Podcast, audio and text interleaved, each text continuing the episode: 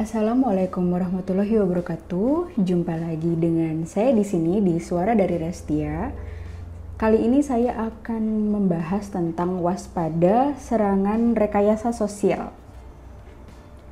Rekayasa sosial adalah bentuk penipuan yang bertujuan untuk mengelabui orang dengan rekayasa atau manipulasi aspek sosial manusia dengan teknik psikologis agar memberikan akses ke data, informasi, jaringan, atau bahkan ke uang. Serangan dari rekayasa sosial merupakan serangan yang memaksa sifat dasar manusia dan dirancang untuk memanipulasi perilaku kita guna membantu mencapai tujuan si penipu. Perlu kita tahu bahwa otak manusia itu terdiri dari tiga bagian. Yang pertama batang atau otak reptil, yang kedua sistem limbik atau otak mamalia, dan yang ketiga adalah neokortex.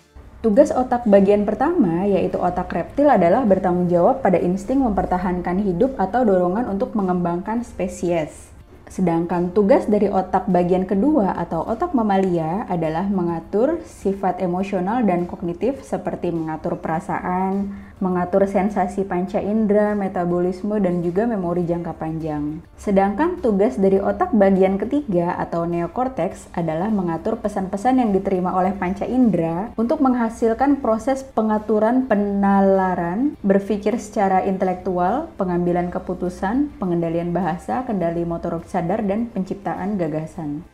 Nah, otak bagian pertama dan kedua, yaitu otak reptil dan otak mamalia yang ada di manusia ini, dimanfaatkan oleh pelaku untuk melancarkan serangan rekayasa sosial. Jadi, perekayasa sosial akan menggunakan sifat dasar manusia untuk mendapatkan keuntungan.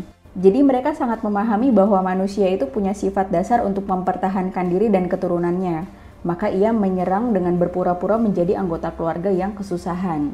Mereka memahami bahwa manusia itu memiliki sifat dasar serakah, maka mereka menyerang dengan berpura-pura memberikan hadiah yang fantastis. Serangan rekayasa sosial ini bisa disampaikan melalui media SMS, pesan instan seperti WhatsApp, Telegram, Line, dan lainnya, melalui email, dan juga telepon. Jadi, pastikan kita selalu waspada dengan semua informasi yang masuk ke telepon seluler kita. Jangan mudah percaya, dan pastikan kita selalu waspada. Bagaimana sih untuk mengatasi serangan rekayasa sosial ini? Yang pertama, kasih jeda waktu. Berlatihlah untuk bisa memberikan jeda waktu. Jeda waktu akan membuat kita lebih jernih untuk berpikir. Serangan rekayasa sosial ini biasanya membuat kita diburu-buru waktu, seolah-olah harus bertindak sekarang juga. Nah, makanya penting banget untuk memberi jeda waktu.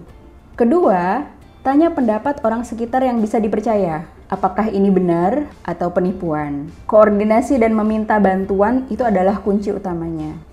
Yang ketiga, kendalikan jarimu. Maksudnya, jangan sembarangan klik informasi yang berupa tautan ke alamat internet. Tautan itu biasanya dia ada garis bawahnya itu panjang. Itu tautan ke alamat internet. Jadi kalau ada tautan yang diberikan ke kamu, sedang kamu tidak pernah meminta, maka jangan pernah klik tautan tersebut. Keempat, Jangan pernah memberikan informasi pribadi, baik data diri berupa nama lengkap kamu, alamat, NIK, maupun informasi rahasia seperti user ID, password, PIN, nama gadis ibu kandung melalui jalur telepon atau jalur lainnya. Jangan pernah memberikan informasi seperti itu kepada siapa pun. Apabila kamu memang tidak ada keperluan itu dan kamu diminta informasi, berhati-hati. Demikian bahasan dari saya tentang waspada serangan rekayasa sosial. Mudah-mudahan kita bisa memahami tentang hal ini dan ayo lindungi orang-orang di sekitar kita untuk mereka bisa aware dengan serangan rekayasa sosial ini. Terima kasih. Sekian suara dari Restia. Wassalamualaikum warahmatullahi wabarakatuh.